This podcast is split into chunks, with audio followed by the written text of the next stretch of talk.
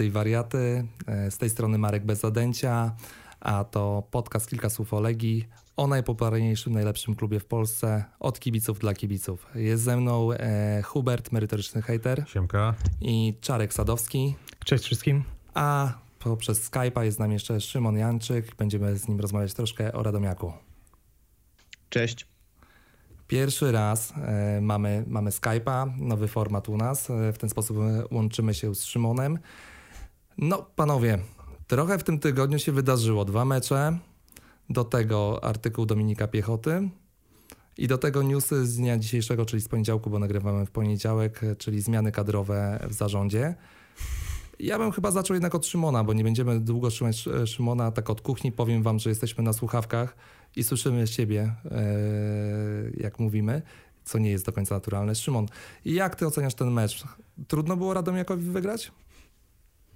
E, Wbrew pozorom, bo wynik na pewno trochę to zamazuje, myślę, że trudno, zwłaszcza w tych pierwszych minutach i w tej e, pierwszej połowie. Być może niektórzy odebrali tę wypowiedź e, Aleksandra Wukowicza o tym, że Radomiak do pierwszej bramki miał duże problemy i tak naprawdę nie stwarzał sobie sytuacji jako jakąś szpilkę czy, czy taką niestosowną uwagę po 0 do 3, ale w sumie to trener Legii miał rację z tym, no bo Radomiak w pierwszej połowie tak naprawdę najpierw zaczął od tego mocnego uderzenia w tych pierwszych minutach, e, kiedy poszukał jakichś strzałów na bramkę.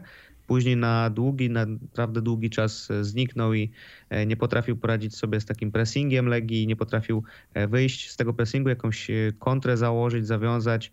E, Pozwalał na dość sporo piłek takich zagrywanych w okolice e, pola karnego czy takiej niebezpiecznej strefy.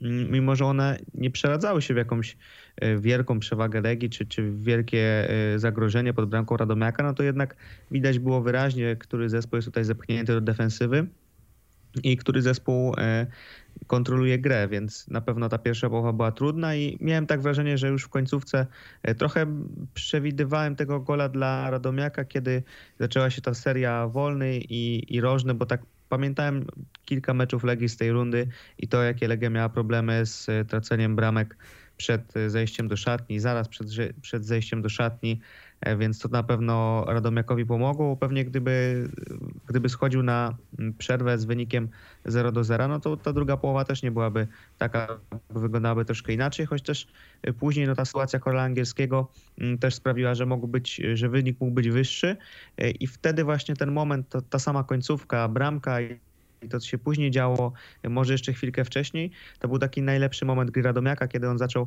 wyprowadzać ataki e, tak, jak sobie założył, kiedy zaczęła się ta gra zazębiać, więc e, na pewno trochę czasu trzeba było, żeby Radomiak się przyzwyczaił do e, Łazienkowskiej i, i trochę zeszło z niego chyba ciśnienie i, i, i taki stres grom na Legii. No właśnie miałem takie wrażenie, że Radomiak podszedł na początku z bardzo dużym respektem też do Legii.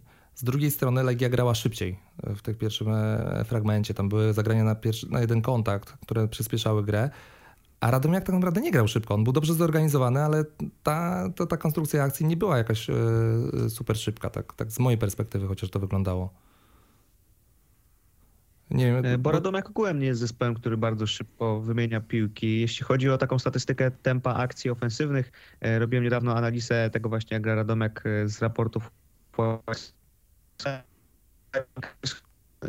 albo naj, najwolniej grający zespół, tak, najwolniej grający zespół w lidze, ewentualnie tam jeden z dwóch najwolniej grających zespołów e, w lidze, bo mm, to nie jest tak, że Radomiak jakoś mega szybko atakuje, mimo że ma technicznych piłkarzy, to też nie jest tak, że e, bardzo szybko wymienia te podania, bardziej po prostu mm, przygotowuje swoją akcję tak, żeby stworzyć sobie jak najlepszą sytuację. Jakimś e, schematem wychodzi do, do tego, co sobie wyćwiczył i co ma wykorzystać. I tak to w większości spotkań wygląda, więc ta przewaga faktycznie w szybkości myślenia, podejmowania decyzji czy też gry e, była bardzo widoczna na korzyść Legii, zwłaszcza w tej pierwszej połowie. Mm, No, obrońcy Radomiaka i, i, po prostu defensywni zawodnicy troszkę się gubili, troszkę musieli sobie podpowiadać, gdzieś wyjaśniać, jak się ustawiać. E, trochę, trochę lepiej skracać to pole gry, bo Legia tam sobie mogła na wiele pozwolić, no ale tak jak mówiłem, akurat nie wynikły z tego jakieś też bardzo dogodne szanse, ale no było widać, e, który zespół tutaj dysponuje wyższą jakością, więc Radomiak po prostu jest takim zespołem, który trochę na tej dobrej organizacji też bazuje i też dzięki temu osiąga takie wyniki, jakie osiąga. Szymon, no ja mam takie pytanie, a nie sądzisz, że y, te pierwsze minuty to w zasadzie tak jakby Radomiak trochę dał się wyszumieć Legii, E, bo to tak z reguły jest, że pierwsze 15-20 minut Legia wchodzi całkiem nieźle w mecz, e, a potem jest taka zapaść e, w tej drużynie. Jeszcze tak bramka i koniec.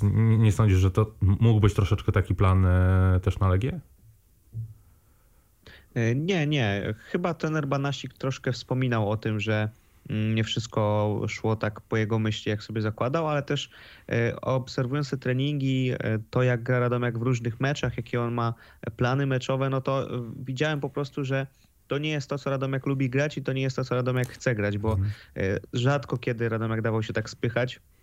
Mm, przynajmniej kiedy y, było to właśnie takie mm, niezamierzone, a moim zdaniem to było niezamierzone. To był trochę efekt tego, że Radomiak chciał wyjść odważnie, chciał wyjść ofensywnie, ale trochę się przeszacował, ewentualnie trochę się jednak przestraszył tego, z jakim rywalem gra, no bo możemy mówić, e, znaczy możemy patrzeć na sytuację Legii e, przez pryzmat tabeli, która wiadomo mówi wiele o tym kryzysie i na pewno też nie kłamie, no ale mimo wszystko to jest ten zespół też na tej analizie Y-Scouta, którą robiłem, który jest bardzo groźny w ofensywie. Potrafi sobie dzięki jakościowym zawodnikom tworzyć okazje. Może ich nie wykorzystuje, ale to nie jest tak, że Legia jak już jest na dole tabeli, no to nie ma żadnych atutów i można sobie z nią grać jak jak się, jak się podoba. Później oczywiście po strzeleniu bramki to wyglądało inaczej i to też jest aspekt chyba taki mentalny trochę Legii, że Legia jak traci bramkę to siada, a z kolei Radomek jak strzela bramkę no to przeważnie się trochę nakręca, trochę e, rośnie chęć zdobycia drugiego gola i takiego pójścia za ciosem, co też jest bardzo sympatyczne, no bo nie zawsze polskie drużyny e, grają w ten sposób. Tam chyba była taka sytuacja, że w pierwszej połowie, kiedy widać było, że piłkarze Radomiaka krzyczą do siebie, komunikują się, starają się korygować swoje ustawienie, prawda? To Szymon nawet o tym rozmawialiśmy dzisiaj, e, że, że, że, że widać było, że nie wszystko to funkcjonuje też e, z perspektywy piłkarzy, tak, tak. Widziałem właśnie w, tych, w tej pierwszej połowie, w pierwszych minutach, że dużo było podpowiedzi między sobą, trochę takiego e, korygowania ustawienia, machania rękami, pokazywania, e, gdzie trzeba być, chociaż też e, bardzo mi się podobało to, że Radomiak często starał się przerywać jakieś podania, czy po prostu stawać na ich drodze, przewidywać mniej więcej, gdzie piłka, gdzie piłka trafi, trochę też na takim zaangażowaniu, na ambicji starać się tych piłek sięgnąć, bo tak Luis Machado choćby parę razy starał się zablokować może w trochę w ekwilibrystyczny sposób, ale jednak podania, więc no też takie, takiego zaangażowanie, walka to było od początku, natomiast z czasem przyszła po prostu lepsza organizacja,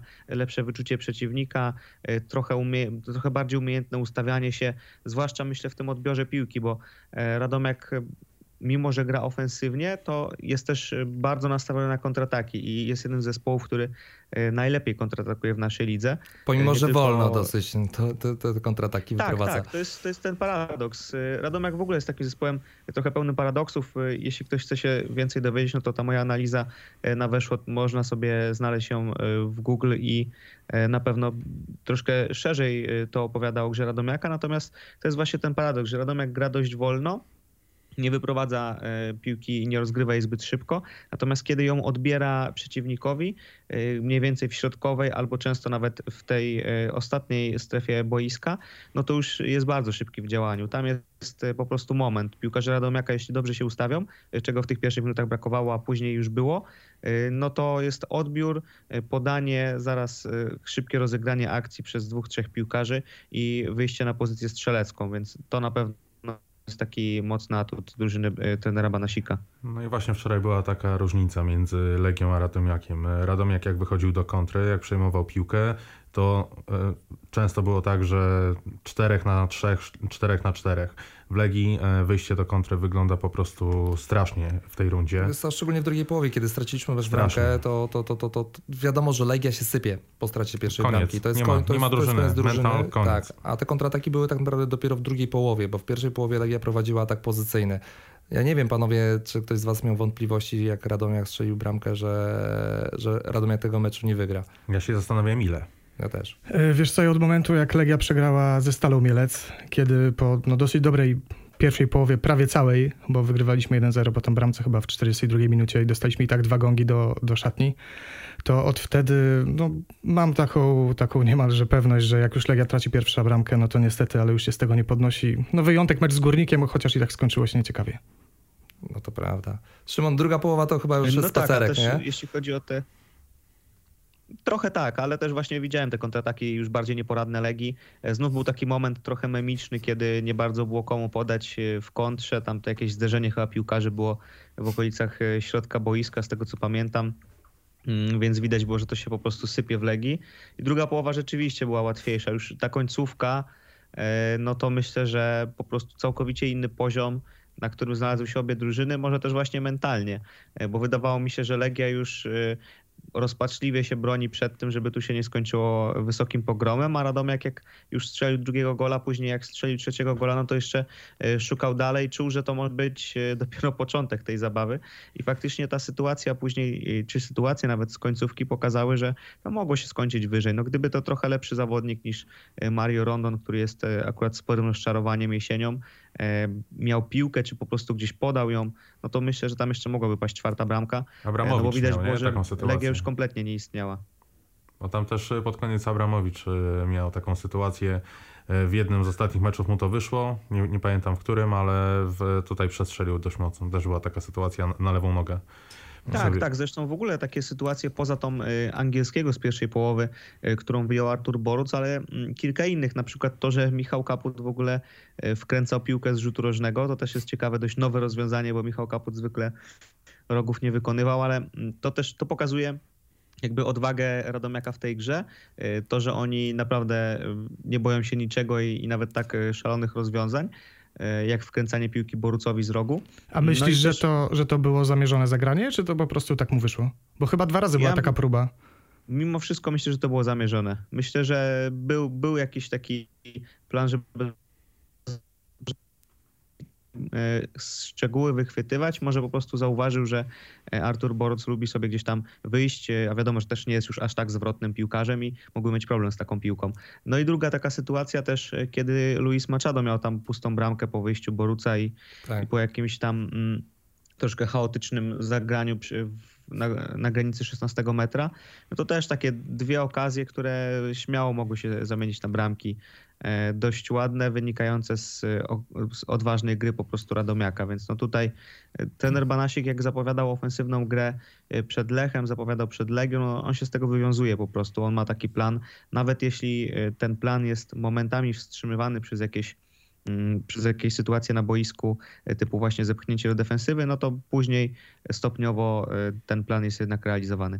Wiesz, jaka była różnica między Radomiakiem a Legią? Że Radomiak stanowił zespół, który wie, jak się poruszać po boisku. Tak jak z Hu- Hubert wczoraj rozmawialiśmy, no nie? To była taka sytuacja w tym meczu, kiedy Josue wyprowadzał piłkę i pokazuje rękoma na prawą stronę. Do Johanssona powinieneś być 3-4 metry z, y, z przodu, żeby, żeby, żeby, miał opcję do zagrania. Ty stoisz w miejscu, tak? I Wyprzedzasz zagranie, no, Tak, dajesz tak. opcję do grania, tak, a nie czekasz e, na własnej połowie albo zatrzymujesz się po przekroczeniu połowy, bo to, tak się nie da grać. No. Dwa, ta odwaga, o której tu Szymon mówił, no nie? Jak my atakowaliśmy, byliśmy w, Mhm. blisko pola karnego, ilu, ilu piłkarzy Legii było w polu karnym? Jeden chyba. Jeden, dwóch, Tak. to, to nawet Wukowicz po meczu mówił, że z- dlatego zmienił Castratiego, ponieważ chciał zwiększyć liczbę piłkarzy w samym polu karnym, że będą rzutki od Mladena, e, żeby e, było więcej niż jeden, niż jeden e, zawodników do tego, żeby je kończyć. Tak? No to pokazuje skalę tego, w jakim jest stanie w tej chwili Legia, gra ofensywna, gdzie w momencie akcji ofensywnej tak naprawdę nikt nie zamyka akcji, jest jeden, dwóch maksymalnie zawodników w polu karnym, nikt nie nabiega na 16, na 15 metry, po prostu nie ma tego, to, to nie funkcjonuje.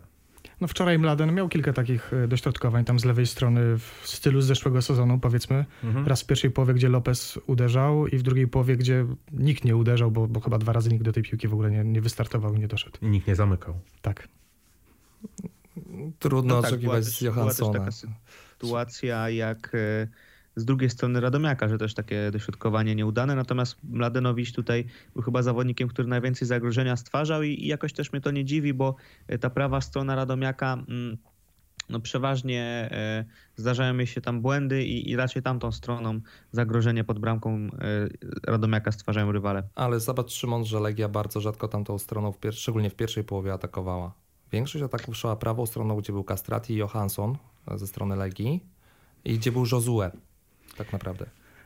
Ale wiesz, skoro Tak, masz... tak. Ja się, ja się z tym zgadzam i zgadzam się też z tym, co mówiliście o drużynie na przykład i o tym, jak oni się przemieszczali po boisku, E, bo widać było na przykład, Radomiak e, gra pewnymi schematami, one są, tak jak mówił trener Skorża przed meczem z Radomiakiem, one są dość przewidywalne, bo każdy mniej więcej wie, jak to wygląda i, i trener, jeśli robi analizę, no to to widzi, ale są bardzo skuteczne i, i to jest e, też efekt właśnie tego wyczucia drużyny. I to na przykład, że Maurides e, parę razy zagrywał po prostu w ciemno piłkę, e, przyjmował, przerzucał na drugą stronę i tak dalej. Oni wiedzą, jak się poruszać po boisku, dobrze się ze sobą czują. I tak jak mówiliście o tym, że Josue musiał instruować gdzieś Johanssona, gdzie być, no to raczej piłkarze Radomiaka nie muszą takich rzeczy robić. Oni na treningach to sobie wszystko wypracowali i, teraz e, po prostu w meczu to realizują. No ja chciałem tylko dodać, że w ramach może usprawiedliwienia dla piłkarzy, że skoro masz na prawej stronie najszybszego zawodnika w Europie, no to chyba warto z niego korzystać. Niestety nieprzydatnego w ataku pozycyjnym. To, co zresztą potwierdził Wukowicz, mówiąc, że e, tłumacząc zmianę raz, że chciał zwiększyć liczbę zawodników w polu karnym, a dwa, że Castrati potrzebuje więcej miejsca, e, żeby pokazać swoje możliwości.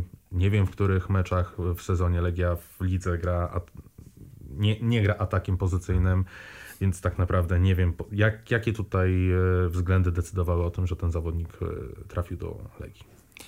Szymon, jak ci mamy u nas na antenie, opowiedz nam może trochę o nowej polityce transferowej Radomiaka, czyli o Football Hebdo, czyli o Muraru i spółka, bo w ostatnim czasie w Radomiaku do Radomiaka przyszło bardzo dużo obcokrajowców, e, co jest zasługą właśnie mm, Football Hebdo, jeżeli się nie mylę. Tak, tak. Analizują e, piłkarzy chyba troszkę lepiej niż ta czeska firma, która Hats. odpowiada za analizę zawodników Legii. E, Na pewno to są, to są ludzie, którzy swoje w piłce widzieli i, i swoje o piłce wiedzą, bo jeśli ktoś współpracuje z e, panem Zaporożanu, który był zresztą obecny, obecny na tym spotkaniu, no to nie może to być jakiś laik, który nie ma pojęcia o zawodnikach, bo Arkadii Zaporożano to jest człowiek, który ściągał do Szachtara Donieck na przykład Fernandinho i, i inne brazylijskie gwiazdy. E, Tak samo teraz w Dynamie Kijów e, pośredniczył, czy gdzieś zatwierdzał kilka transferów. No, to jest taki nieoficjalny dyrektor sportowy, bym powiedział.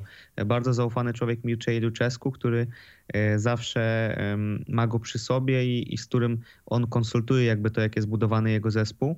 E, No a wiemy po prostu, mm, jak z brazylijskiego rynku czerpali e, właśnie włodarze e, Szachtara i, i Dynama Kijów, więc e, i Dynama Kijów teraz. Więc te rynki ma na pewno dobrze znane i też te kierunki transferowe w takim razie nie dziwią.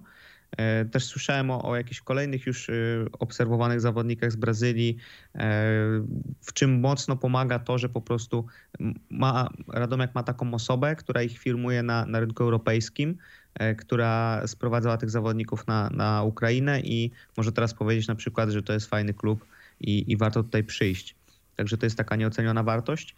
No i też y, sam, sam fakt, jak y, Moraru ocenia piłkarzy, bo co by nie mówić o, o jego jakiejś przeszłości, która y, z, no jest, jest różna po prostu. Rumuńska piłka jest dość zwariowana i, i różne historie stamtąd pochodzą, chociaż akurat wydaje mi się, że, że raczej przeważają takie dość pozytywne oceny właśnie tego, w jaki sposób on ocenia piłkarzy i jaką ma sieć kontaktów. No i to widać tutaj, że to już jest wykorzystywane. Ale wiesz co, sam pisałeś, że no, w różnych okolicznościach z, z różnymi klubami się rozstawał. Tak, no bo to jest ta, ta specyfika trochę rumuńskiej piłki, że tam jest, to jest bardzo szalony świat, tak jak mi e, mówił Emanuel Rosu, z którym rozmawiałem o e, Oktawianie. E, ciężko tam coś zaplanować długofalowo i, i bywało tak, że na przykład e, Politechnika Jasi to był taki jeden chyba z ciekawszych projektów do pewnego momentu, e, bo tam Oktawian faktycznie sprowadził ciekawych zawodników i to zaczęło się kręcić. E, no ale też słyszałem gdzieś od osób, które tam pracowały, że został trochę nie fair potraktowany przez władze miasta, które stwierdziły, że jednak nie wywiążą się z jakichś tam umów z nimi i nie zaprezentują mu oficjalnego stanowiska czy coś takiego, bo, bo on tam miał chyba jakąś krótką umowę tylko z nimi, e, więc tam chyba spędził sezon czy, czy półtora. E, Gaz Metan Medias, te, ten projekt też był ciekawy, też udało się utrzymać ten zespół. No a potem tak naprawdę były takie e, troszkę mniej te udane przygody. Też w trochę takich klubach, które no, balansowały na granicy pierwszej i drugiej ligi rumuńskiej, które często nie miały jakichś wielkich jakichś wielkich możliwości finansowych, bo też słyszałem trochę o tym, jak przeprowadzały te kluby transfery, no to, to często była jakaś licytacja na przykład na 1000 euro, czy, czy dostanie się jakiegoś zawodnika, czy nie. No a to nie jest raczej komfortowe, to nie są raczej komfortowe warunki pracy. Postać na pewno bardzo ciekawa, na pewno kontrowersyjna też, bo jednak mołdawski działacz z przeszłością w rumuńskiej, który buduje kluby ekstraklasy, to jest zawsze przypadek dość interesujący. Wiesz co, ja zawsze podchodzę bardzo sceptycznie do takich historii. Ja pamiętam te drużyny Ptaka. Nie boicie się, że, że ta równowaga pomiędzy polską szatnią a zagraniczną nie zostanie zachowana? Bo w tym Powiem momencie tak. głównie transfery to, to, to robicie albo Brazylia, albo Portugalia. Tak, tak. Choć też y, na usprawiedliwienie, jakby, czy na jakąś tam wymówkę powiem, że wcześniej po prostu tych zawodników zagranicznych aż tak wielu nie było, bo faktycznie to, że teraz przyszło, nie wiem, sześciu, dajmy na to obcokrajowców, e, to nie jest, to, to, nie jest tak, że nagle zrobiło ich się 15, tylko tam ich było na przykład dwóch. E, przy czym no, Leandro na przykład nie ma co liczyć jako obcokrajowca, no bo to jest e, gość, który już nie tylko ma polski paszport, ale po prostu żyje tutaj od tylu lat. W każdym razie Wiem, że teraz na przykład na zimę jest taki plan, żeby jeśli na przykład przyjdzie dwóch obcokrajowców, no to żeby jeden odszedł. E, jeśli przyjdzie trzech, to żeby dwóch odeszło, żeby to już nie było e, takie budowanie tylko, tylko w jednym kierunku i właśnie burzenie tych, e, tej hierarchii w szatni, która i tak została dość zachwiana latem, tylko żeby zachowana była jakaś proporcja, żeby to wyglądało tak, jak powinno wyglądać w klubach. Więc na ten moment y, nie ma, znaczy takie obawy zawsze są, a na ten moment trochę y, jestem spokojny o to, bo takie dostałem zapewnienia z klubu, że w ten sposób chcą działać. Też wiem, że młodzieżowców szukają w Polsce y, dość prężnie, więc myślę, że to się uda utrzymać. Y, I jeśli w tym, w tym trybie będą szli w kolejnych okienkach, czyli na przykład sprowadzamy czterech obcokrajowców, a nie wiem, trzech odchodzi, czy tam czy czterech odchodzi, to myślę, że to nie będzie większy problem. Też zwłaszcza, że większość tych zawodników to są jednak dość jakościowi piłkarze. E, którzy no, zasługują na grę w pierwszym składzie, nie są jakoś tam wpychani na siłę, nie są promowani przez jakieś e, agencje i tak dalej, tylko po prostu bronią się tym, co prezentują na boisku. Chcesz, e, Hubert, coś dodać? Nie, nie. Ja jeszcze z takich ciekawostek widziałem, że 16-latek był u was na ławce w tym meczu, co, co z Polski, więc to na pewno taka, taki fajny prognostyk, że, że, że gdzieś ta młodzież polska w Radomiaku jest. Tak, choć akurat z tą młodzieżą to ostrożnie, bo zawsze się śmieję do trenera Banasika. E, jak, jak mówimy o jakichś jego wadach, to zawsze mówię, że to stawianie na młodzież jednak kuleje, no bo Radomiak w pierwszym roku trenera Banasika miał tam chyba jakieś piąte miejsce w Pro Junior System, coś, coś z tego skapło. Natomiast później na to już była gra jednym młodzieżowcem, e, nic więcej praktycznie ponad stan, trochę nawet zakopani byli niektórzy e, zawodnicy, którzy moim zdaniem mm, mogliby się obronić, gdyby dostali trochę więcej minut. E, więc tutaj no, no ten 16-letni zawodnik, Kuba Snopczyński, o którym mówimy, jest dużym talentem i, i, trener na meczach rezerw bardzo go chwalił, bo też oglądałem te spotkania. E, no, specyfika trybun Ligi Okręgowej jest taka, że często oglądałem je e, po prostu w sąsiedztwie trenera i, i zawsze bardzo pozytywnie się o tym chłopaku wyrażał i to zresztą za sprawą tych meczów rezerw, za sprawą takich treningów, które trener Banasik e, i członkowie jego sztabu prowadzą dla najzdolniejszych chłopaków z Akademii, e, stwierdzono, że warto dać temu zawodnikowi szansę, zatrzymać go w zespole. Jest jeszcze kilku takich zawodników w kolejce, e, tylko że oni są po prostu młodsi i jeszcze jakby po pierwsze, nie ma trochę sensu ich włączać do kadry pierwszego zespołu. Po drugie, no też chyba y, ze względów prawnych jeszcze by tego nie można było zrobić, bo to są raczej zawodnicy właśnie 16, 15, 14-letni. Natomiast faktycznie jesienią trochę już przynajmniej na treningach się zrobiło takiego ruchu, że przychodził na przykład jakiś chłopak z rocznika 2007, który jest utalentowany, miał szansę się pokazać, trochę porywalizować z tymi doświadczonymi zawodnikami i fajnie to po prostu zaczyna wyglądać w tym kontekście. Ale nie spodziewałbym się jakby, że nagle okay. Radomek będzie jakoś mocno stawiał na młodzież. Szymon, mam do ciebie ostatnie pytanie.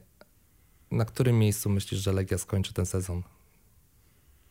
Legia się spokojnie utrzyma. O to się jakby nie obawiam. Myślę, że wiosna, kiedy już zostanie przepracowany okres przygotowawczy z nowym trenerem, e, kiedy zostaną poprawione te błędy, które były popełnione teraz, z których wynika to, że zespół też, no bo powiedzmy sobie wprost, że ten zespół nie jest przygotowany do e, rundy, którą właśnie rozgrywa, czy, czy właśnie zakończył, e, bo to przygotowanie było słabe i, i to było widać z tygodnia na tydzień się to pogarszało. Więc myślę, że przepracowanie tego nowego okresu e, Pewnie też jakieś roszady kadrowe, trochę lepsze e, dopasowanie tej kadry, bo, bo tutaj też oczywiście winą jest to, że no kadra nie była kompletnie skrojona pod to, co, co chciał grać Michniewicz. E, no to to wyleczy część problemów Legii, a też nie oszukujmy się.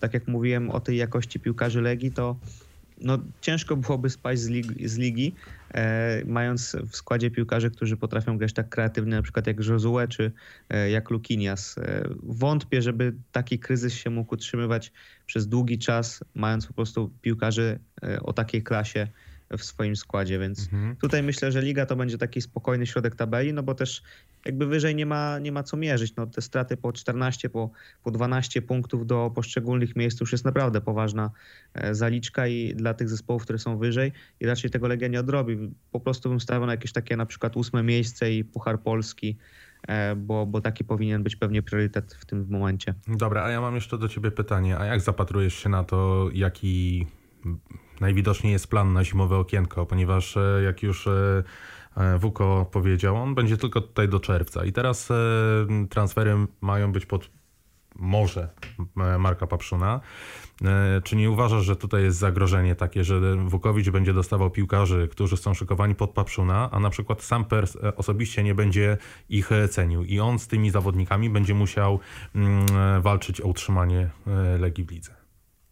Wiesz co, bardziej bym się obawiał chyba o to, e, kto będzie opiniował te transfery. O, żeby się mówię, znowu nie okazało, że e, ci ludzie, którzy się tym zajmują, którzy doradzają i analizują, to po prostu wybrali piłkarzy, którzy, nie wiem, mają chyba jedną dobrą cechę, a resztę na jakimś kompletnym... W sensie dwie nogi. Komplet... Tak, kompletnie nieodpowiednim poziomie. Myślę, że kurczę, musiałbym przeanalizować trochę bardziej, jak gra, jak, jaki styl preferuje e, Wukowicz w stosunku do Marka Papszuna, na czym to się różni, e, ale no myślę, że sama kwestia utrzymania nie powinna być aż takim problemem w kontekście tych zawodników. W sensie, gdyby na przykład e, Wukowicz musiał teraz zrobić tutaj maszynę, która ma awansować do pucharów przez eliminację, ma zdobyć na przykład mistrzostwo, no to to już wymaga trochę takiej to już wymaga posiadania drużyny, która odpowiada temu, co chcesz grać. Natomiast, żeby utrzymać się w tej lidze, no to możesz dostać na przykład piłkarzy, którzy y, pasują do stylu Papszuna i ustawić ich jakoś na swoją modłę, żeby mhm. tę kadrę w pewien sposób wykorzystać. A, Dlatego mhm. przy obecnych celach nie powinno to być problem. Jasne, no ale e, tak jak rozmawialiśmy i sam powiedziałeś, że powinien być celem Puchar Polski, czyli zakładając, że zdobywamy Puchar Polski, e, że to, ten cel został zrealizowany, no to w tym momencie jak ta drużyna jest przygotowana do eliminacji, skoro przychodzi nowy trener od e, czerwca? No to jest na pewno ciekawe, bo znowu będzie takie. Mam wrażenie, że znowu to będzie takie robienie czegoś na ostatnią chwilę. Na Może nie tak jak w tym okienku, e, kiedy eliminacje startowały i kadra była po prostu mm, no, zdekompletowana, ale faktycznie jest tak, że kadrę na lato powinno się budować w zimę. Taki, tak zresztą mówił prezes Mioduski, więc on no, zna się na rzeczy, jak dobrze wiemy. Tak, no. tak. Pan Darek e... różne rzeczy mówił, dużo i różne. No ale tak jest, no akurat tutaj trzeba przyznać rację, bo to są wyciągnięte lekcje z przeszłości, że kadrę na lato buduje się zimą. No to zeszłe okienko pokazało, jak się buduje zimą. E, panowie, a nie macie takich obaw, że zawodnicy, którzy ewentualnie mogą przyjść do Legii, to tak naprawdę nie przyjdą ani nie będą skrojeni ani pod Wukowicza, ani ewentualnie pod Pawszuna, tylko będą to ludzie po prostu przypadkowi, bo albo będą A dostępni, albo będą tani, albo ktoś się w nich zakocha. Eleven Hacks na przykład. Znaczy ja... Wiesz co? Myślę, że można znaleźć tanich zawodników, którzy są skrojeni pod dany system gry. Y, masz przykład, teraz rozmawialiśmy o Radomiaku, więc y, Maurides, który przyszedł zapuszczony za darmo. Y, oczywiście to jest przypadek dość skrajny, no bo wiadomo, że Legia raczej nie może pozwolić sobie na branie takich zawodników. Oj, Natomiast przy, natomiast przyszedł y, dlatego, że pasował do systemu trenera, więc myślę, że nawet na rynku takich darmowych czy, czy tanich wzmocnień będzie się dało znaleźć zawodników, może nie na tych pierwszych miejscach na liście e, życzeń, ale na przykład na miejscu drugim, trzecim, e, nawet piątym, którzy w jakimś stopniu dalej będą spełniali te oczekiwania. I muszą spełniać oczekiwania. Jest, jest to szalona sytuacja jest to szalona sytuacja, że y, trener ma drużynę na pół roku, jednocześnie ma zbudować sobie jakiś skład, który pozwoli na utrzymanie i wygranie trofeum, czyli Pucharu Polski, a z drugiej strony ten skład też musi być już y, budowany pod kolejnego szkoleniowca. Niecodzien, niecodzienna rzecz, ale no z drugiej strony Legia nie ma wyboru w tym momencie, żeby coś innego zrobić, więc jakoś musi znaleźć złoty środek. Ja mam nadzieję, że jednak mimo wszystko, tak jakimś optymistycznym akcentem jeszcze, jeszcze zarzucę, że to oko trenera, że to oko dyrektora kucharskiego do zawodników się sprawdzi, bo co by nie mówić o nim, to jednak potrafi znaleźć takich zawodników, którzy mają coś w sobie i mają jakość. Tak, Więc tylko. Mam nadzieję. Mhm. Tylko nie potrafi znaleźć telefonu zbyt często i to chyba jest problem. No to jest problem, to jest zdecydowanie problem, e, ale mówię, żeby znalazł, niech on znajdzie zawodnika, Paweł Tomczyk niech z nim rozmawia i myślę, że jakoś to pójdzie. Wiecie panowie, bo wydaje mi się, że Wukowicz do powiedzenia przy transferach będzie miał e, prawie nic, albo po prostu w ogóle. E, zastanawiam się, czy nie wie, najwięcej do powiedzenia będzie miał Tomczyk, który być może jest w kontakcie z Markiem Papszunem. I tu będzie po, A może będzie tak, że na przykład e, Legia w ogóle nie będzie zbyt aktywna na, na rynku transferowym zimą, bo stwierdzi, że nie ma sensu budować tej kadry pod. E, znaczy nie ma sensu. Szymon, zobacz, zobacz. Prawdopodobnie odejdzie Emreli. Tak zakładam, że prawdopodobnie odejdzie Emreli. Zostajemy z nie najmłodszym Peckhartem, który ten sezon nie ma zbyt, nie jest wybitny i bez napastników, bo co by nie mówić, Szymon Włodarczyk tak naprawdę tego zawodu napastnika się dopiero powoli uczy, więc y, zostajemy bez napastnika i to też widzimy po, w ogóle bez zawodników ofensywnych zbytnio i to było widać nawet y, w meczu z wami, że my atakowaliśmy w polu karnym bardzo małą liczbą piłkarzy. Więc wiesz, tak, to... no ale też y, akurat w tym spotkaniu nie było Lukiniasa czy nie było Emrelego, którzy też potrafią zrobić różnicę z przodu. Trochę są y, zawodnikami w innym stylu. No z Emrelim to, no, to jest duży uważam, problem że... tak naprawdę taktyczny, bo on y, niby nie, rozumie, nie, nie, nie rozumie, on, on źle wchodzi w pole karne i Do zawodnika źle tak. presuje, przez to sypie się cały wysoki pressing na przykład w Legii. No, Ale już... tak samo nawet w polu karnym, to nawet to, to, to, to, wyjście do główki jest często, dlatego kończą się te główki, jak się kończą, no bo no, nie ma tej umiejętności. No tak, to prawda. No, Ogółem myślę, że jeśli na przykład udałoby się zatrzymać Emrelego do lata, to nie ma za bardzo sensu szaleć na rynku transferowym, bo może to byłoby rozsądniejsze podejście niż, e, niż właśnie ściąganie zawodników Wukowiciowi, których on nie, nie będzie potrafił wykorzystać, czy e, po prostu których on sam nie chce, bo, bo jemu są na nic potrzebni. Myślę, że taką kadrą, jaką Legia ma, dogranie teraz samej Ligi Pucharu Polski no nie byłoby to jakieś wielkie wyzwanie. Może bardziej bym się skupił trochę na czyszczeniu tej kadry, e, ewentualnie na, na jakichś roszadach typu, no stoper na przykład by się przydał, to jest, to jest jakby fakt.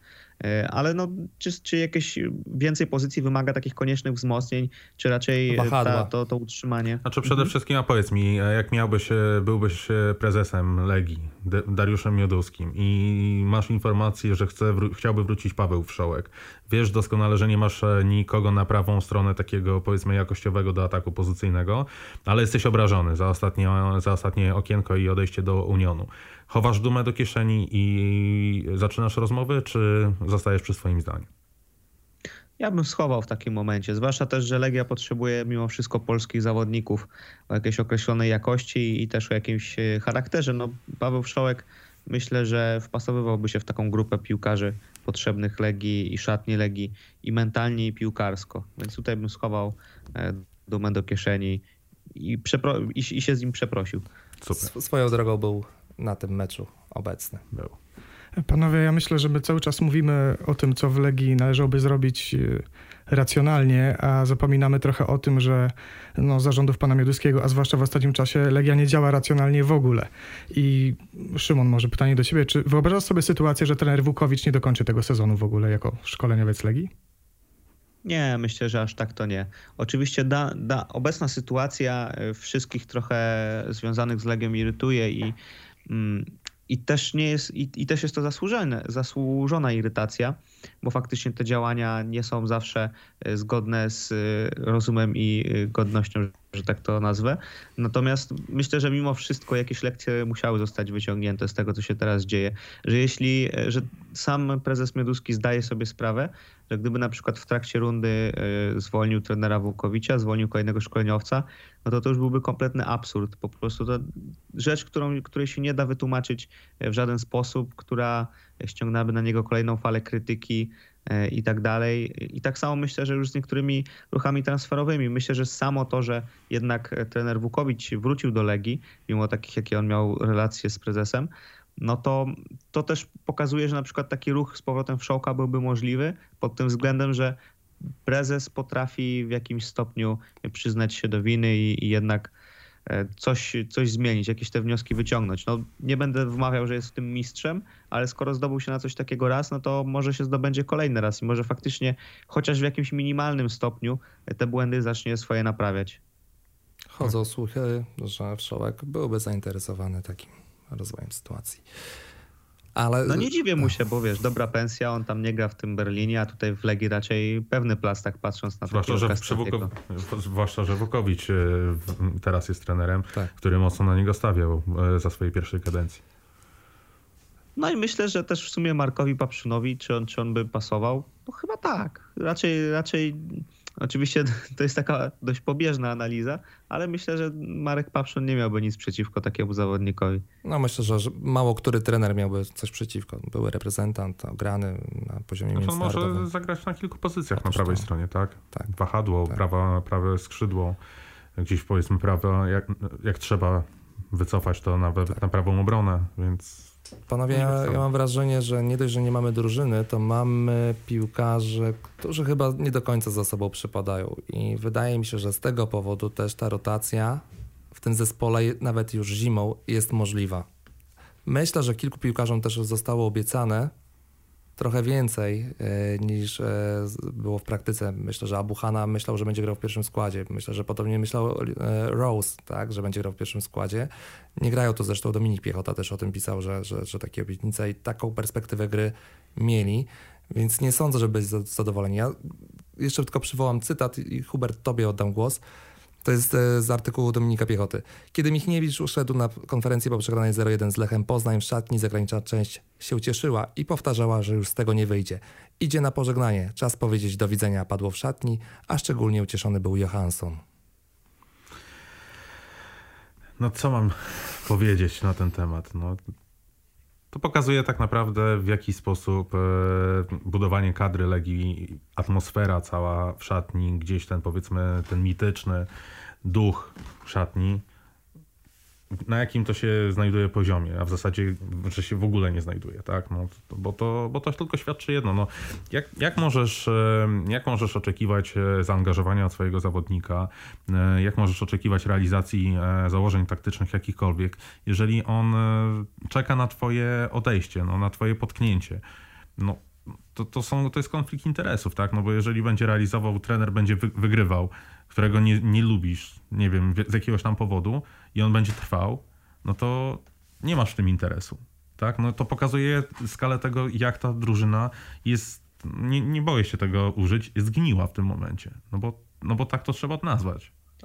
Wiecie co, ja dodam coś takiego, że wydaje mi się, że zawsze porażki, kryzysy i tak dalej e, trochę też wpędzają drużynę w, takie w takie mentalne problemy i w to, że po prostu ci zawodnicy nie zgrywają się ze sobą. No wydaje mhm. mi się, mhm. że na przykład w Radomiaku, gdyby w tym momencie nie było takiej serii, jaka jest, no to pewnie też nie byłoby jakiejś mega chemii między tymi zagranicznymi piłkarzami.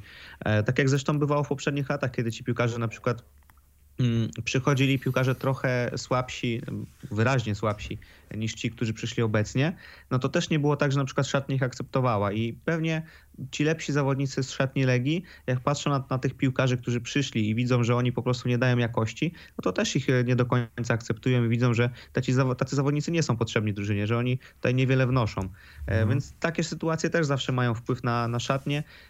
Ja powiem tak, że w, w Legii kryzys, który jest obecnie i e, też ta medialna otoczka tego kryzysu, to jest jakby kolejny gwóźdź taki do trumny, że piłkarz e, ma praktycznie głowę cały czas w tych czarnych myślach, więc ja się wcale nie dziwię, że ci zawodnicy się nie polubili, czy ze sobą nie przepadają, czy też nie przepadali za trenerem.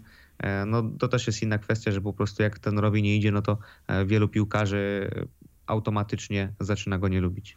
Jasne, natomiast wiesz, ja dalej twierdzę, wracamy do mm, tego, o czym wspominaliśmy, że drużyna puchary buduje się zimą. Ja rozumiem, że Legia w zeszłym, e, w okienko jakoś nie miała niesamowicie dużego budżetu na jakiekolwiek ruchy transferowe, ale jednak mimo wszystko e, zmiana taka, wiesz, 10 piłkarzy out, 10 e, in w jedno okienko, E, to troszeczkę e, i to ludzie, którzy pracowali z e, poprzednim trenerem Michniewiczem, rozumieli jego założenia, gdzieś tam powiedzmy byli wdrożeni.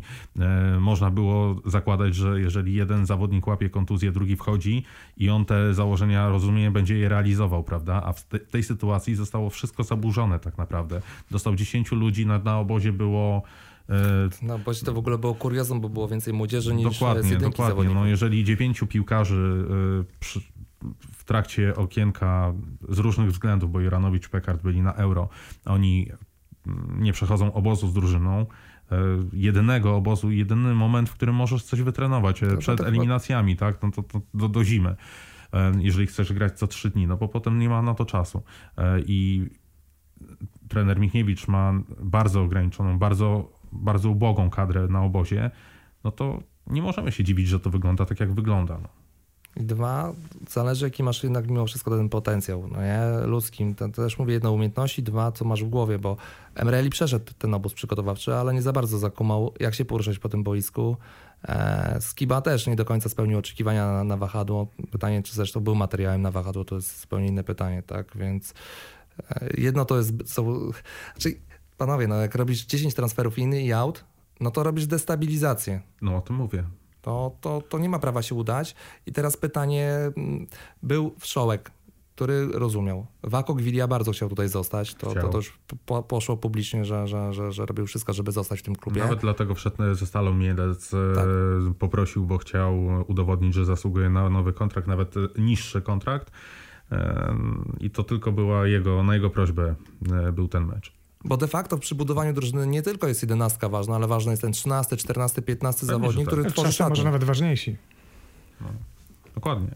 Dokładnie tak jest, nie? Że, że po prostu, poza tym słuchajcie, no, jakość treningu, to też jest bardzo ważne. To jest taki pomijany trochę e, aspekt. Jeżeli masz, e, powiedzmy, kadrę na, na obozie 20 piłkarzy pierwszego zespołu docelowo, tak no to zupełnie inaczej wygląda jakość treningu, czyli gra z pierwszej piłki, e, jakieś trenowanie wyprowadzania kontrataku, ataku pozycyjnego, e, wiesz, 3 na 2, a, mhm. a, wiesz, no taka, tak, takie tak, gierki tak. klasyczne. Zupełnie inaczej to wygląda nawet gra wewnętrzna między, ty, między tymi drużynami, niż jeżeli masz dziewięciu, powiedzmy 10 piłkarzy z pierwszego zespołu, resztę musisz sztukować no to wiadomo, że ten, jakość tego treningu też nie jest na takim poziomie, jak być powinna w takim klubie jak Legia. No, pełna zgoda. To wiecie, jak jest w piłce młodzieżowej. Dlatego jest, e, czasami się mówi, o bardzo dobry rocznik w klubie się trafił, ale to dlatego, że było tam kilku chłopaków, którzy podnosili intensywność treningu i reszta też na tym zyskiwała. No właśnie. I tak samo jest w jedynce, no nie? No tak, tak. No Więc... Właśnie o tym mówię. No. Więc Powiem, powiem ci, Szymon, my ze swojej strony mamy trochę mniej taki, mniej optymizmu niż ty, może dlatego, że za bardzo, za bardzo to obserwujemy. E, to w tym momencie ja mam wrażenie, że to, z czym się mierzy Wukowicz i co będzie miał e, na obozie w Dubaju, to, to jest duży Monteverest. Oczywiście ja też wierzę, że, że on utrzyma tą drużynę w lidze. Ale to też bardzo dużo zależy, jak wejdą w sezon, no nie w rundę. Przede wszystkim musi wykorzystać potencjał tej drużyny, czyli znaleźć e, system gry, czy to będzie 3-4-3, jak zwał, tak zwał. No to, ja nie widzę teraz gry no, trójką. 4-5-1 no. tak samo ja nie widzę, nie mamy skrzydła na przykład prawego, no. nie takiego jakościowego. Ale generalnie, jeżeli znajdzie jakieś optymalne ustawienie, które będzie w stanie wyeksponować zalety tych piłkarzy Mhm. i maskować wady, no to po, powinno być ok, tak? No, a jak będzie, zobaczymy. No wystarczy pewnie e, po prostu takie wytrenowanie napastników, żeby oni wykańczali sytuacje kreowane przez Josué i No. to już będzie jakiś duży, duża cegiełka w kierunku tego utrzymania, ale faktycznie ta kadra jest tak trochę zbudowana, że ciężko jakieś takie ustawienie e, znaleźć, które z całą pewnością e, się sprawdzi. To, to jest fakt. Josue dzisiaj daje dużo drużynie, to Mhm. jest niezaprzeczalne, ale ja mam ciągle obawę, bo to on, on ma chwiejną psychikę.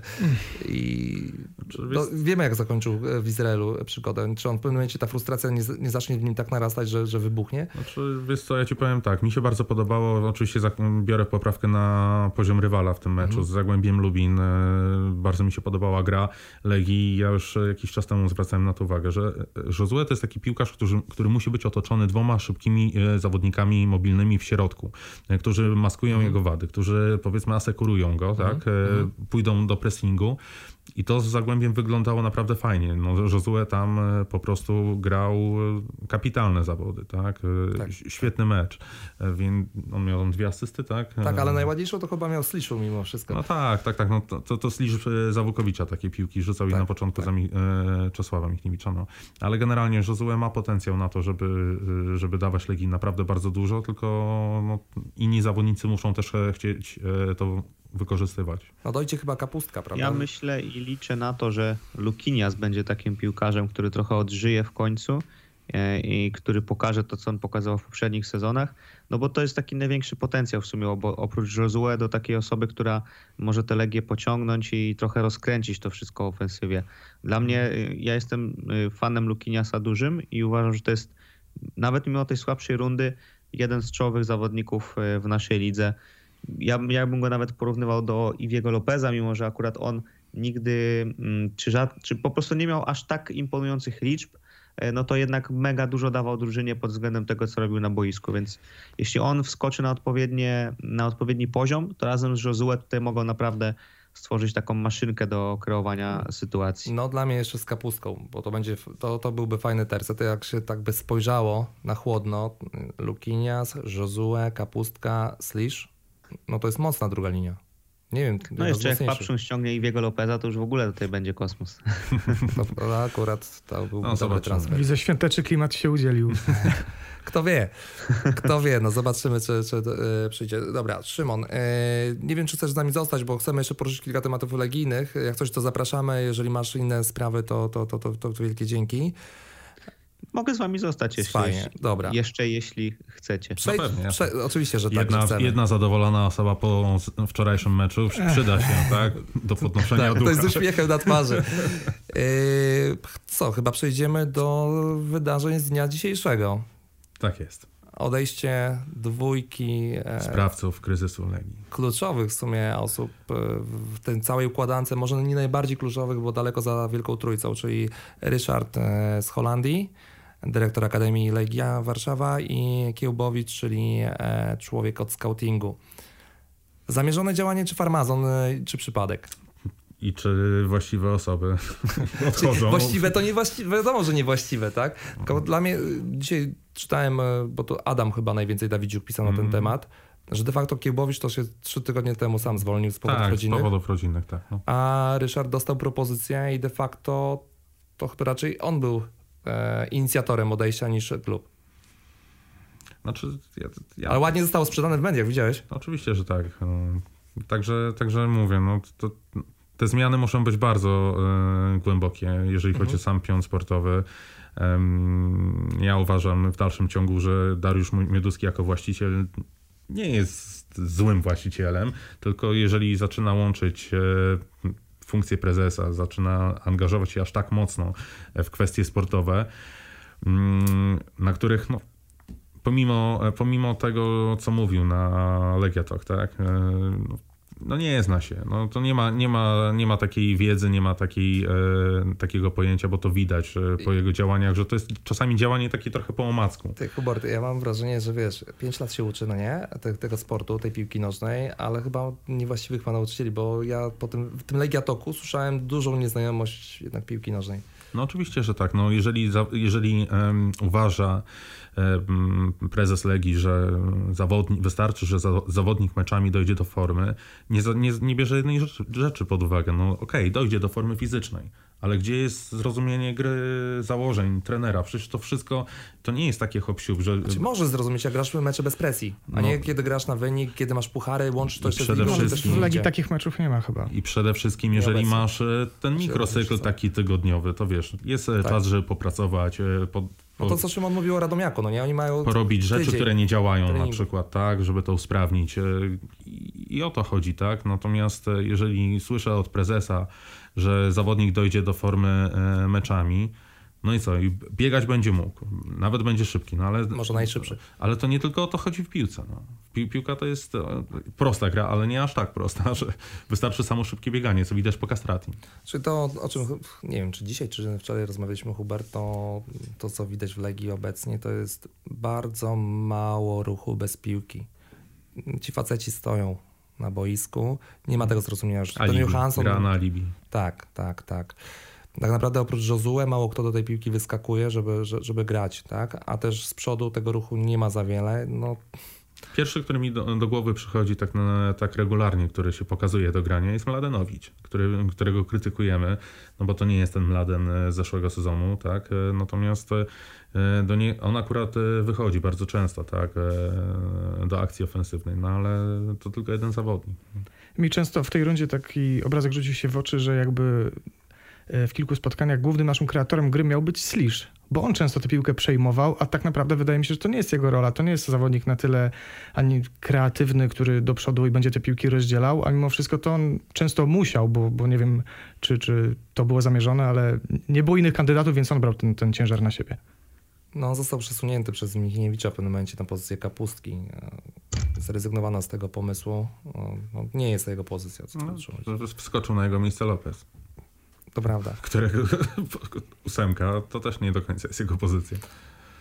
Gdzieś tam w kuluarach sobie rozmawiamy o Radosławie Kucharskim, e, czy przetrwa zawieruchę jesien, e, zimową, jesienno-zimową, czy też nie przetrwa. Ja miałem takie zdanie, że jeżeli e, Darek, Dariusz Mioduski mówi publicznie o kimś bardzo dobrze i go pochwala, to znaczy, że jego dni w Legii są policzone, tak jak z trenerami na lata. Jak uważacie? Nie no, to jest, to jest trochę teza mm, przesadzona, bo myślę, że akurat Radosław Kucharski jest w bardzo bliskich relacjach z Dariuszem Mioduskim i to, co y, fakt też tego, co prezes Mioduski mówił na Legia Talk, albo raczej czego nie mówił o prezesie, o, o dyrektorze sportowym, też potwierdza to, że to jest człowiek jakby nie do ruszenia. Że okej, okay, jego rola może ulegać jakiejś zmianie, może na przykład teraz przyjście Pawła Tomczyka sprawi, że trochę inne będą tego obowiązki, ale że jednak jest to taki żelazny człowiek nie do ruszenia i sam fakt tej uczciwości, o której bardzo często e, prezes Mioduski wspominał, też jest taką, takim jasnym sygnałem, że tutaj wszyscy e, są do ruszenia, ale akurat nie Radosław Kucharski i tego bym się jednak spodziewał, że to jest człowiek, który tutaj zostanie na lata. Au. Ja niestety mam podobne zdanie. Wydaje mi się, że, że Radosław Kucharski zostanie w Legii tak długo, jak, jak w Legii będzie Dariusz Mioduski. Pewnie też, tak jak mówiliście, jego rola będzie się zmieniała, ale mimo wszystko będzie tym wiernym giermkiem czy towarzyszem tej legijnej podróży, podróży naszego znając, prezesa. Znając Ale umiejętności... Jeszcze, jeszcze dodam mhm. może po prostu to, że właśnie przyszedł Paweł Tomczyk i że y, teraz będzie osoba, że tak powiem, jakkolwiek to śmiesznie nie brzmi, ale bardziej komunikatywna w tym y, duecie czy w tym pionie sportowym, która będzie mogła odwalać taką robotę, no to może to będzie dobry model współpracy. Może faktycznie Radosław Kucharski, jeśli on będzie szukał tych piłkarzy, będzie ich wyszukiwał, będzie e, ich analizował i, i po prostu dobierał do Legii, bez jakiejś pomocy też czeskich e, specjalistów, e, bo to chyba działka pana Zachorskiego była z tego co tak, pamiętam, a, tak, tak, tak. a, on, tak, a on ma być gdzieś odsunięty na, na bocznicę no to może to jest ten model, że Radosław Kucharski niech szuka piłkarzy, Paweł Tomczyk niech te transfery dopina i oni razem to ogarną lepiej niż Radosław Kucharski ogarniał to sam. Wiesz co, Szymon, powiem ci, że jeżeli spra- sprawdzą się informacje, które ja słyszę gdzieś tam z boku, opinie o, o wicedyrektorze działu sportowego. Ja nie widzę szans, że, że ci dwaj panowie ze sobą się dogadają, w sensie Kucharski Tomczyk. Wydaje mi się, że to jest naprawdę ogień i woda i to tak y, konkretnie ogień i woda. Więc... Tutaj o, o Pawle Tomczyku też różne opinie krążą. To fakt, że no na przykład te jego ruchy w Rakowie nie były jakby też tak y, oceniane zbyt pozytywnie. Może bardziej jego obecność w Rakowie i to, jak on funkcjonował tam jako dyrektor sportowy, nie zawsze była oceniana pozytywnie. Takie też y, głosy się spotkały. Ja mam wrażenie, że w Rakowie to transfery głównie robił Marek Papszon i Gonzalo Fejos z pomocą Kiko Ramireza, tak naprawdę, a nie, nie Tomczyk. Te, te najbardziej trafione, jak na przykład Iwi Lopez. No jest to możliwe i też wiemy, że tam zaangażowanie Michała Świerczewskiego było w te sprawy duże, natomiast no było ono też trochę inne. E, Może od razu mogę dodać e, trochę lepsze niż prezesa Mioduskiego, no bo jakby chyba Michał Świerczewski się trochę lepiej zna na piłce albo po prostu trochę lepiej wie co robi. No właśnie.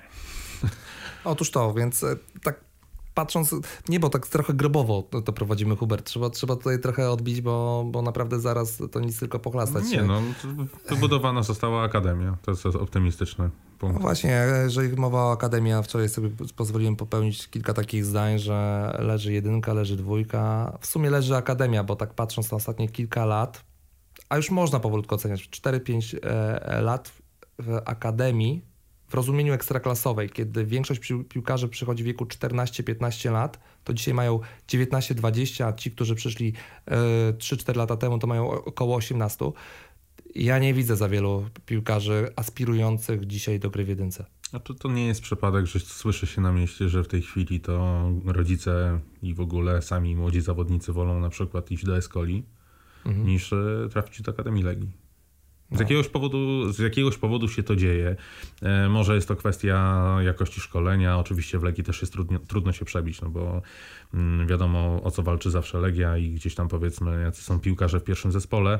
No ale z drugiej strony, tak jak miałbym popatrzeć e, sobie e, na, na drugą drużynę i tak...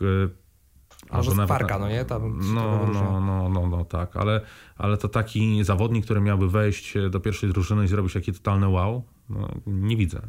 Nie, no, znaczy ja mam to... To trochę z tego, co ja słyszę i, i wiem, to tak brakuje takiej odpowiedniej e, ścieżki wprowadzania tych piłkarzy do pierwszej drużyny i też te zaniedbanie jednak z jakichś spraw kontraktowych i tych relacji z zawodnikami też e, było powodem kilku odejść i po prostu e, tego, jak to wygląda. No, nie oszukujmy się, że też piłkarze, którzy wchodzą do pierwszego składu Legii, e, muszą mieć określoną jakość. Mm, To, o czym mówicie, że teraz nie widać takich zawodników, którzy by tę jakość wnieśli, albo może inaczej. Wydaje mi się, że jednak tak duża akademia powinna mieć kandydatów na każdą pozycję, albo chociaż tak e, kierować piłkarzy, tak ich e, dobierać, żeby mieć kandydatów na takie najbardziej newralgiczne pozycje, na których akurat e, łatwiej będzie im wejść do składu. E, No bo w tym momencie to, że na przykład ostatnimi takimi mm, ciekawymi zawodnikami z Akademii e, są e, Szymon Wodarczyk, e, niedawno Maciej Rosołek. No, posiadanie napastnika, e, młodzieżowca w Legii dla mnie jest e, absolutnie niemożliwe. Dla mnie, jeśli napastnik młodzieżowiec ma grać w pierwszym składzie Legii, to to już musi być taki to, totalny kozak, który po pół roku wyjedzie z Polski, po prostu tak zamiecie tę ligę, więc mm, takie są realia. Legia e, powinna bardziej e, promować, znaczy na tych pozycjach, na których Legia mogłaby wprowadzać młodzieżowców, akurat faktycznie takich talentów nie ma albo bardzo o nie ciężko. Zobacz, teraz gdybyśmy mieli wahadełko wśród młodzieży, młodzieży, no to grałby bardzo dużo. Tak, dokładnie, o to chodzi, że takich zawodników powinna mieć Legia. Tutaj wahadłowego, tu tak jak było ze Sliszem na przykład, e, była szansa, żeby wpuścić młodego chłopaka do środka, no to ten Slisz się tam sprawdził, a e, w- po prostu kiedy ta, ta pozycja jest mocno obstawiona, to wiadomo, że ten młodzieżowiec do niej nie wskoczy. No Mm. też, e, jeśli mówicie o Karbownik tej Wy, wybił się w ten sposób, bo Tak, nie, tak. nie było kogo na lewą obronę, tak? No ale to I- też pokazuje, że to, to, to było dzieło przypadku, to nie jest jakiś efekt. Ale ty, Jasne, zawsze ale- wprowadzenie, Okej, mło- ale to na ogół jeszcze takie jest, że to... y, Czy który młodzieżowiec ostatnio w Legii wybił się jakby nie dziełem przypadku, nie licząc bramkarzy? Y, Raczej jeśli mówimy o młodzieżowcach, którzy zaistnieli w tym zespole, Sebastian Szymański. młodych chłopakach, Seba też, też Sebek uważam, że, że był Sebek prowadzony Szymański. bardzo, bardzo mądrze akurat. No okej, no to, to, to, to jest Sebastian Szymański, który był ogromnym talentem, natomiast Tak. pozostali zawodnicy to jest w dużej mierze właśnie dzieło przypadku. To, to jest to pokazuje to, o czym mówiłem, że ten plan wprowadzenia zawodników jakby nie działa albo nie istnieje. Ale wiesz co, Szymon, no... Szymon ja ci w przerwę, mhm. żebyśmy się wyrobili.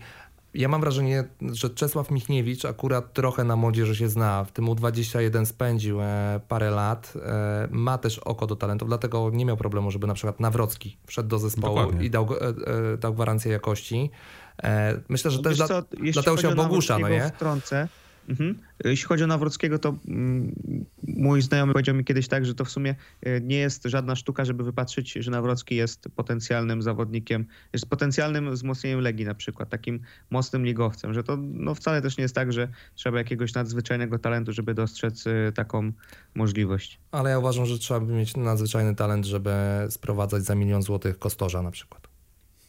No nie, no to jest y, w ogóle transfery Legii typu Skibicki. Ja, ja kiedyś o tym napisałem na Twitterze, że dla mnie wyłowienie Skibickiego w momencie, w którym on się nawet nie wyróżniał w drugiej lidze tak. i w którym ja, bo wtedy Radomek też był w drugiej lidze, ale po prostu gdzieś y, śledzę te niższe trochę ligi i y, mam też znajomych, którzy to oglądają i nikt, absolutnie nikt nie mówił, że Kacper Skibicki to jest zawodnik z potencjałem na Legię. No i teraz to się jakby to się przekuwa rzeczywistość. I po prostu mam wrażenie, że niektóre te ruchy z młodzieżowcami Legii E, tak jak z Kosztorzem, ze Skibickim, z muzykiem, to były takie na zasadzie e, trzeba ściągnąć młodego, no bo teraz wszyscy ściągają młodych, więc jak kogoś tam wyłowimy z drugiej ligi, no to powiedzą, że bardzo fajnie ruch, bo obserwujemy to wszystko no to i tak chyba dalej. też e, trochę powiązane było niejako z nadchodzącym przepisem o młodzieżowcu, więc to też takie było dokładnie, przygotowanie dokładnie sobie tak gruntu.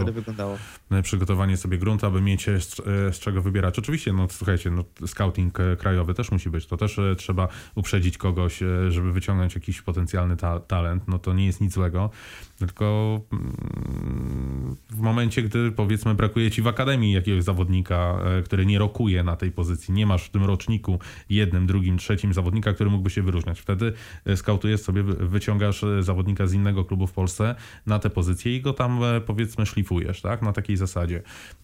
Bo w tej chwili to wszystko jest w Legii dziełem przypadku. Wynik w Europie wynik w Europie jest dziełem przypadku z tego względu, że ktoś namówił Dariusza Meduskiego na Czesława Michniewicza. Mhm. To nie był jego autor, autorski pomysł, no więc to, był, to było dzieło przypadku. No tak to trzeba powiedzieć. No nie było planowane. No nie. No to nie było zaplanowane. Znaczy na pewno tam... nie Liga Europy. No, no, konferencji gdzieś tam no, być może. Generalnie, nie? No to, tak. to nie był trener, który był planowany w ileś lat temu, że będzie trenerem na długo i tak dalej. To jest, to jest przypadek, no bo Trzeba było reagować też i kolejny raz na wynik, ponieważ e, zakładam, że pan Dariusz Mioducki i jego doradcy mieli założenie przed Dritą w zeszłym sezonie, że da, e, Czesław Michniewicz ustawi drużynę, jak ustawiał kadrę narodową młodą, która ogrywała Belgów, Portugalczyków i tak dalej i w taki sposób e, ustawi Legię i w ten sposób uda się wejść do Ligi Europy wtedy, ówczesnej, tak? mhm. tak? No niestety, niestety to tak nie działa. No nie, ale to, to dużo o tym rozmawiamy. Ten klub działa od impulsu do impulsu emocjonalnego mhm. obecnie i strategia, o której dużo się tak mówi, ciągle jej nie poznaliśmy tak naprawdę i nawet w Legiatoku Darek Mioduski mówił o tym, że teraz będzie dobry czas na wdrożenie strategii, choć nie podzielił się do końca na czym ta strategia ma polegać i mam wrażenie, że ta strategia po prostu nie istnieje. Jedyną strategią jest, to ty Hubert wczoraj powiedziałeś, e, e, wygrywanie Mistrzostw Polski. I, i, I tyle. Ja też mam wrażenie, że nawet jeżeli chodzi o scouting y, dzieci i młodzieży, to nie ma pomysłu, jakiego piłkarza Legia chce, jaki ma być typ tego zawodnika. Czy on ma dobrze rozumieć grę, czy ma być szybki, czy ma być silny. Y, pewnie jest wszystkiego po trochu, ale to, to, to, to tak nie działa, no nie? Jak chcesz wszystkiego po trochu, to dostajesz właśnie... Znaczy, no, mi w Legii brakuje konsekwencji. E, tak, Kon konsekwencji, tak? tak? Czyli wybieramy teraz teoretycznie Marek Papszon został wyskautowany. Jak pewnie około 30 milionów e, polskich kibiców też wyskautowało Marka Popszuna. E, natomiast e, mówi się, sprzedaje się to jako jakąś wizję, nie? Mhm. że to jest trener, tak, długo oczekiwany, mówi się o 3-5-letnim kontrakcie. I potem słyszy się zdanie Dariusza Miodowskiego, że lubię, lubię ludzi, którzy mają własną opinię na jakiś temat, własne zdanie, pod warunkiem, że ono jest e, zbieżne z moim. A wiesz co, to akurat chyba było trochę wyjęte z kontekstu. Wydaje nie, mi się, że... Nie, było, nie, nie było, było, nie było. No nie wiem, mi się wydaje, że to, że brzmienie tego zdania było dość, e, znaczy i trener, prezes chciał wyrazić to, że on chce, żeby ludzie w klubie realizowali jego wizję i jakby no nie uważam tego za coś kontrowersyjnego, bo przecież Michał Świerczewski też chce, żeby w Rakowie realizowali jego wizję, a to jaka to jest wizja, czy ona jest logiczna, czy, czy ma jakieś podstawy w ogóle, czy jest poparta czymś więcej niż pustymi słowami, no to już jest inna sprawa. Natomiast sam mhm. fakt, że prezes chce, żeby jego klub e, działał tak, jak on chce, no to, to nie jest dla mnie czymś e, złym. No tak, czymś, ale to czymś absurdalnym. tyle, że zobacz, dochodzimy do e, momentu, wracamy przełom maja, czerwca, Legia Warszawa, transfery. E, Dariusz Mioduski i Radosław Kucharski mają swoją wizję, która powinna być jakoś spójna z wizją trenera mimo wszystko. Czesław Michniewicz ma inne zdanie na ten temat, ale mają wspólną, wspólny cel. Chcą awansować do rozgrywek europejskich. I czym to się kończy? Awansem znaczy, i konfliktem. Co, to jest kwestia taka, że po prostu jeśli wyskautowałeś czy zatrudniłeś trenera, który nie odpowiada twojej wizji, to to od początku było skazane na to, że tak to się prędzej czy później skończy. No, e, to, to jest ta różnica, o której mówię między Rakowem a Legią, że jeśli Michał Świerczewski chce, żeby ktoś realizował jego wizję, to on sobie zatrudnia ludzi, którzy będą ją robić. E, którzy będą to robić, którzy będą mieli taki sam plan jak on. On po to z nimi rozmawia, po to ma tę swoją e, legendarną rekrutację, która tam jest podzielona na ileś tam etapów, mhm. że on doskonale wie, że jak ściągnie na przykład danego trenera, to on nagle nie będzie chciał innych piłkarzy niż on, no bo myślą podobnie o piłce, mają podobny plan na piłkę. Albo jeśli ewentualnie, jeśli na przykład będzie chciał w jakiś inny sposób grać, jeśli będzie miał jakąś inną troszkę wizję, to że będzie w stanie go przekonać do jej realizacji, albo że po prostu będzie w stanie przedstawić przedstawić mu logiczny powód takiego działania. A tutaj e, mamy do czynienia po prostu z brakiem takich konkretów, tylko z chęcią na przykład awansujmy do pucharów. Tylko wiesz co, mi się wydaje, że, e, że wizja w Legii to jest jedynie słowo, które często pada z ust prezesa Meduskiego, bo jeśli w klubie jest jakakolwiek długofalowa strategia i masz danego trenera, to wydaje mi się, że ludzie powinni już pracować nad tym, co będzie po nim a w Legii czegoś takiego kompletnie nie ma. Jest zwalniany Dariusz, Dariusz Czesław Michniewicz. No, fajnie e, Tak, jest zwalniany Czesław Michniewicz i i wtedy wszyscy drapią się po głowie, no dobra, no to losujemy teraz, kto będzie następnym trenerem. Tam, tam nie ma żadnej strategii, żadnej wizji. Mi się wydaje jedno, wiem do, do czego Hubert dążył tak naprawdę. Tak? Bo jeżeli bierzesz takiego trenera jak Czesław Michniewicz, to jest autorska wizja. Wiadomo, że to jest, to nie jest rzemieślnik, który pozwoli sobie, e, nie wiem, mocno sterować. On już ma swoje nazwisko wyrobione i wiadomo, że jeżeli bierzesz takiego trenera, on będzie wymagał wsparcia w realizacji swojej wizji autorskiej, nie?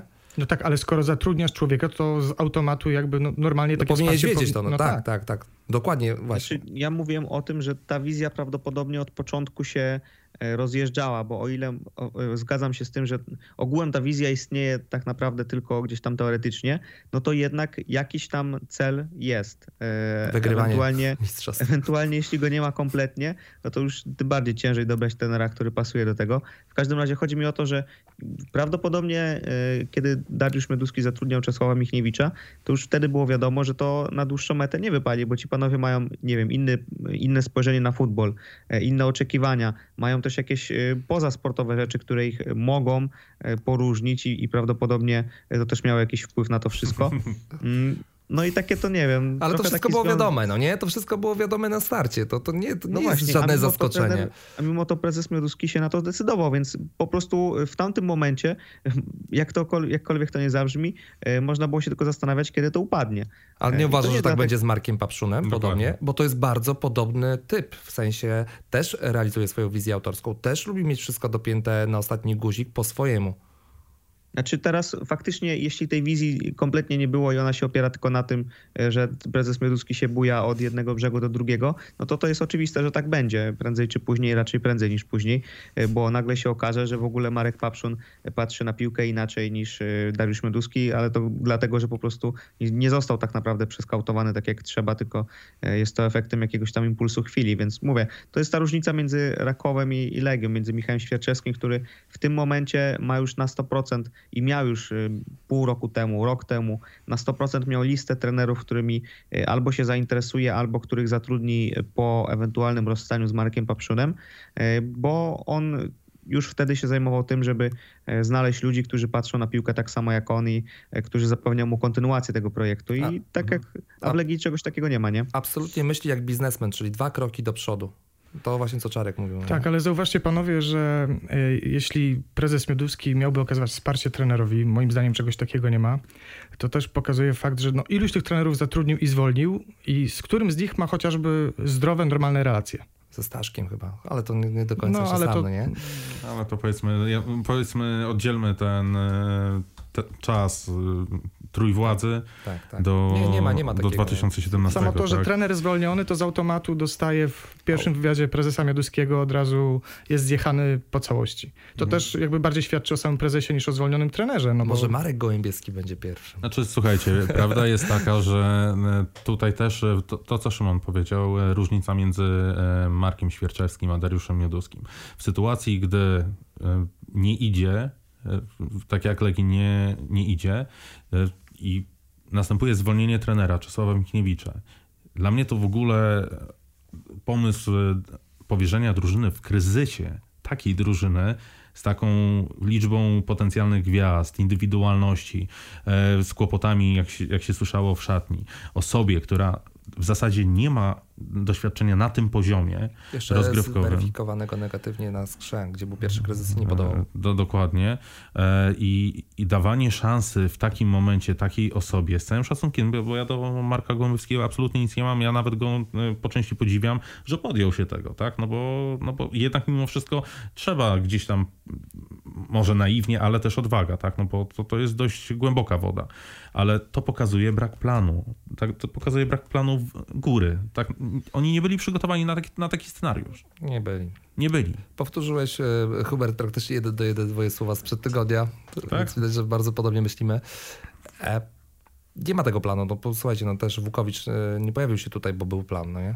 No, No nie no, panowie, no w normalnym życiu wygląda to tak, że jak chcesz wymienić sobie buty, to najpierw sprawdzasz, czy masz kasę na nowe, ewentualnie jak masz, to kupujesz te nowe. A prezes Mioduski wypieprzył buty i chciał przez zimę latać na bosaka. No, no tak to niestety u nas wyglądało. No to ładne. No, no, no, I prawdziwe, no bo niestety tak to wyglądało. I jestem przekonany, ja mam takie wewnętrzne przekonanie, że gdyby wtedy, jeżeli nie było kandydata, pogodzić się z Wukowiciem, to ten sezon, Nie byłby tak pozycja, przekonany. pozycja w tabeli nie wyglądałaby tak źle i mm, gra nie wyglądałaby tak źle, jak jest, e, jak to, jak to jest w tej chwili. Bo to było ile? 9 kolejek? 8? No myślę, że tych punktów zdobylibyśmy zdecydowanie No więcej. właśnie, właśnie o to chodzi, nie? No to jest, e, tu A wychodzi... być może jeszcze byśmy zdobyli, nie wiem, jakieś punkty w Europie, tak? No to jest szereg działań podjętych e, zarówno i to nie koncentrujmy się tylko na, lacie, na lecie, przepraszam, Tak. e, bo to też e, całe, całe okienko zimowe, gdzie wspominaliśmy na początku, jest, e, jest to taki moment, w którym wzmacniasz drużynę, budujesz ją na puchary, tak, na eliminację, żebyś miał już dru- drużynę zgraną, która rozumie założenia trenera, która jest w stanie je, je w lepszy, gorszy, ale je, jednak realizować. A tam Ale posłuchaj, tam był jeden zawodnik, którego i Czesław Michniewicz chciał, i sam zawodnik ch- chciał zostać. Ar Arciom Szabanu. Tak. Dokładnie. I e, okazało się, że jednak e, przychodzi z polecenia Eleven Hacks e, Hanna, który był zweryfikowany negatywnie przez e, De Petrillo i przez samego Czesława Michniewicza z różnych względów, jeśli chodzi o technikę użytkową, jeśli chodzi o umiejętność wyprowadzania piłki i co najważniejsze w kontekście też obrońcy, nieumiejętności ustawiania się w, w linii obrony. To jest zastanawiające, bo takich przypadów, gdzie e, Eleven Hacks jedno, a ludzie z klubu i weryfikacja e, ludzi z klubu było więcej niż jedna, bo z Haratinem było podobnie, że również został negatywnie przez dział scoutingu zweryfikowany, że to jest fajny zawodnik, ale nie pod styl gry Legii. Dokładnie. Więc ciągle wracamy do tego samego, do personaliów. Być może gdyby Szabanow został, a nie Obuchana, byśmy mieli, być może Nawrocki by nie wystrzelił, ale to, to inna sprawa, a być może teraz by grał Nawrocki, a nie Hołownia na tej pozycji, więc y, być może też by wystrzelił, więc y, no bar, bar, bardzo, bardzo szkoda, y, że tak wyszło. Posłuchajcie, mm, Znaczy, uważam, że niestety awans do pucharów został zmarnowany. To na, czym tak zosta, ta, to, na czym zależało tak bardzo Legii, zostało w żaden sposób nie zostanie dobrze skonsumowane. No, to wszystko ale Hubert, tak mamy. awans do Ligi Mistrzów też został źle skonsumowany. Teraz awans do Ligi Europy po raz kolejny został. e, No to no marnotrawimy takie, takie szanse, które otrzymujemy, gdzie dostajemy zastrzyk pieniędzy, szanse na zbudowanie czegoś trwałego. Coś, co powinno być bodźcem do tego, żeby utrzymać e, jakąś tam, powiedzmy, e, kręgosłup drużyny, dokładać poszczególne elementy, przemyślane ruchy, e, kto jest w stanie podnieść poziom i takich zawodników dobierać. A takie działanie doraźne, bo Haratin i Castrati to były, to były działania doraźne. To nie, nie mówmy sobie, że to byli zawodnicy wyskautowani przez albo obserwowani przez 3-4 miesiące, bo tak nie było i nie mogło być. To było działanie doraźne, ponieważ brak, brakowało po awansie zawodników e, w kadrze i tym próbowano ratować e, jeszcze gdzieś tam powiedzmy możliwości e, wyborów personalnych i dania większych możliwości właśnie pod tym kątem trenerowi. Działania doraźne, które kosztowały ponad 2 miliony euro. No. Czyli więcej niż pewnie 2-3 poprzednie okienka łącznie. Tak w skrócie. Panowie, powolutku my będziemy zmierzać do końca, bo pewnie część z nas na pewno chce posłuchać w Legia Talk Wukowicza. E, A jak jeszcze porozmawiamy chwilę, to nie będzie to możliwe. Szymon, bardzo Ci dziękujemy, że zostałeś z nami na całość. E, Fajnie usłyszeć, fajnie usłyszeć trochę inny głos niż nas e, i, i trochę inne spojrzenie na klub niż to. Z zewnątrz troszkę, Tak, nie? tak, dokładnie. Jest, myślę, że też takie bardzo zdrowo, zdroworozsądkowe, więc wielkie, wielkie dzięki. No ja tak samo dziękuję i duże gratula- gratulacje za wczorajszy wynik. I w ogóle za, za, za tą rundę, czwarte miejsce. Tak. Nikt się chyba nie spodziewał, że Radomiak będzie na czwartym miejscu po, po, po, po rundzie jesiennej. No i że ugra 6 punktów z Legią. Tak. Tak, tak, no to jest mimo wszystko ogromna niespodzianka i teraz też y, przed Radomiakiem z kolei stoi to, żeby właściwie skonsumować to wszystko, co mm, tutaj się stało, żeby pójść za ciosem. No bo jak tego nie będzie, no to i tutaj zaczniemy się zastanawiać za miesiąc gdzieś w moim podcaście, co poszło nie tak. Ale mam nadzieję, że y, Mhm. tutaj akurat już wszystko pójdzie w miarę jak należy. Żeby nie powtórzyć e, przypadku Warty Poznań. Skoczyć jest łatwo, utrzymać się jest trudniej na tym poziomie. Rakowowi się to, To, to udało. duża prawda, to, to prawda. Posłuchajcie, mm, ostatni odcinek przed świętami, więc e, wszystkim nam, kibicom, e, życzymy wszystkiego dobrego. Abyśmy odpoczęli, odpoczęli od Legii w tym momencie, skupili się na bliskich e, i weszli w nowy rok z nowym, świeższym umysłem. Miejmy nadzieję, że z większą ilością optymizmu. Tego nam życzę e, wszystkim. I jeszcze chciałbym podziękować na koniec, bo zapomniałem na początku naszym patronom. Wielkie dzięki, że nas wspieracie. Był z nami merytoryczny hejter Hubert. Dzięki. Był z nami Czarek, nasz Dziękuję. gość. W ogóle nie powiedziałem jednej rzeczy, chyba dosyć istotnej. Czarek wygrał, wylicytował w charytatywnym KSOL e, udział w tym programie. Czarek, naprawdę było miło Cię tutaj u nas gościć. Mi również. Też fajny, fajny głos e, w dyskusji i był z nami e, Szymon Janczyk, czyli reprezentant z Radomia. Weszło. Dzięki wielkie. Dzięki Trzymajcie, wielkie. hej. hej.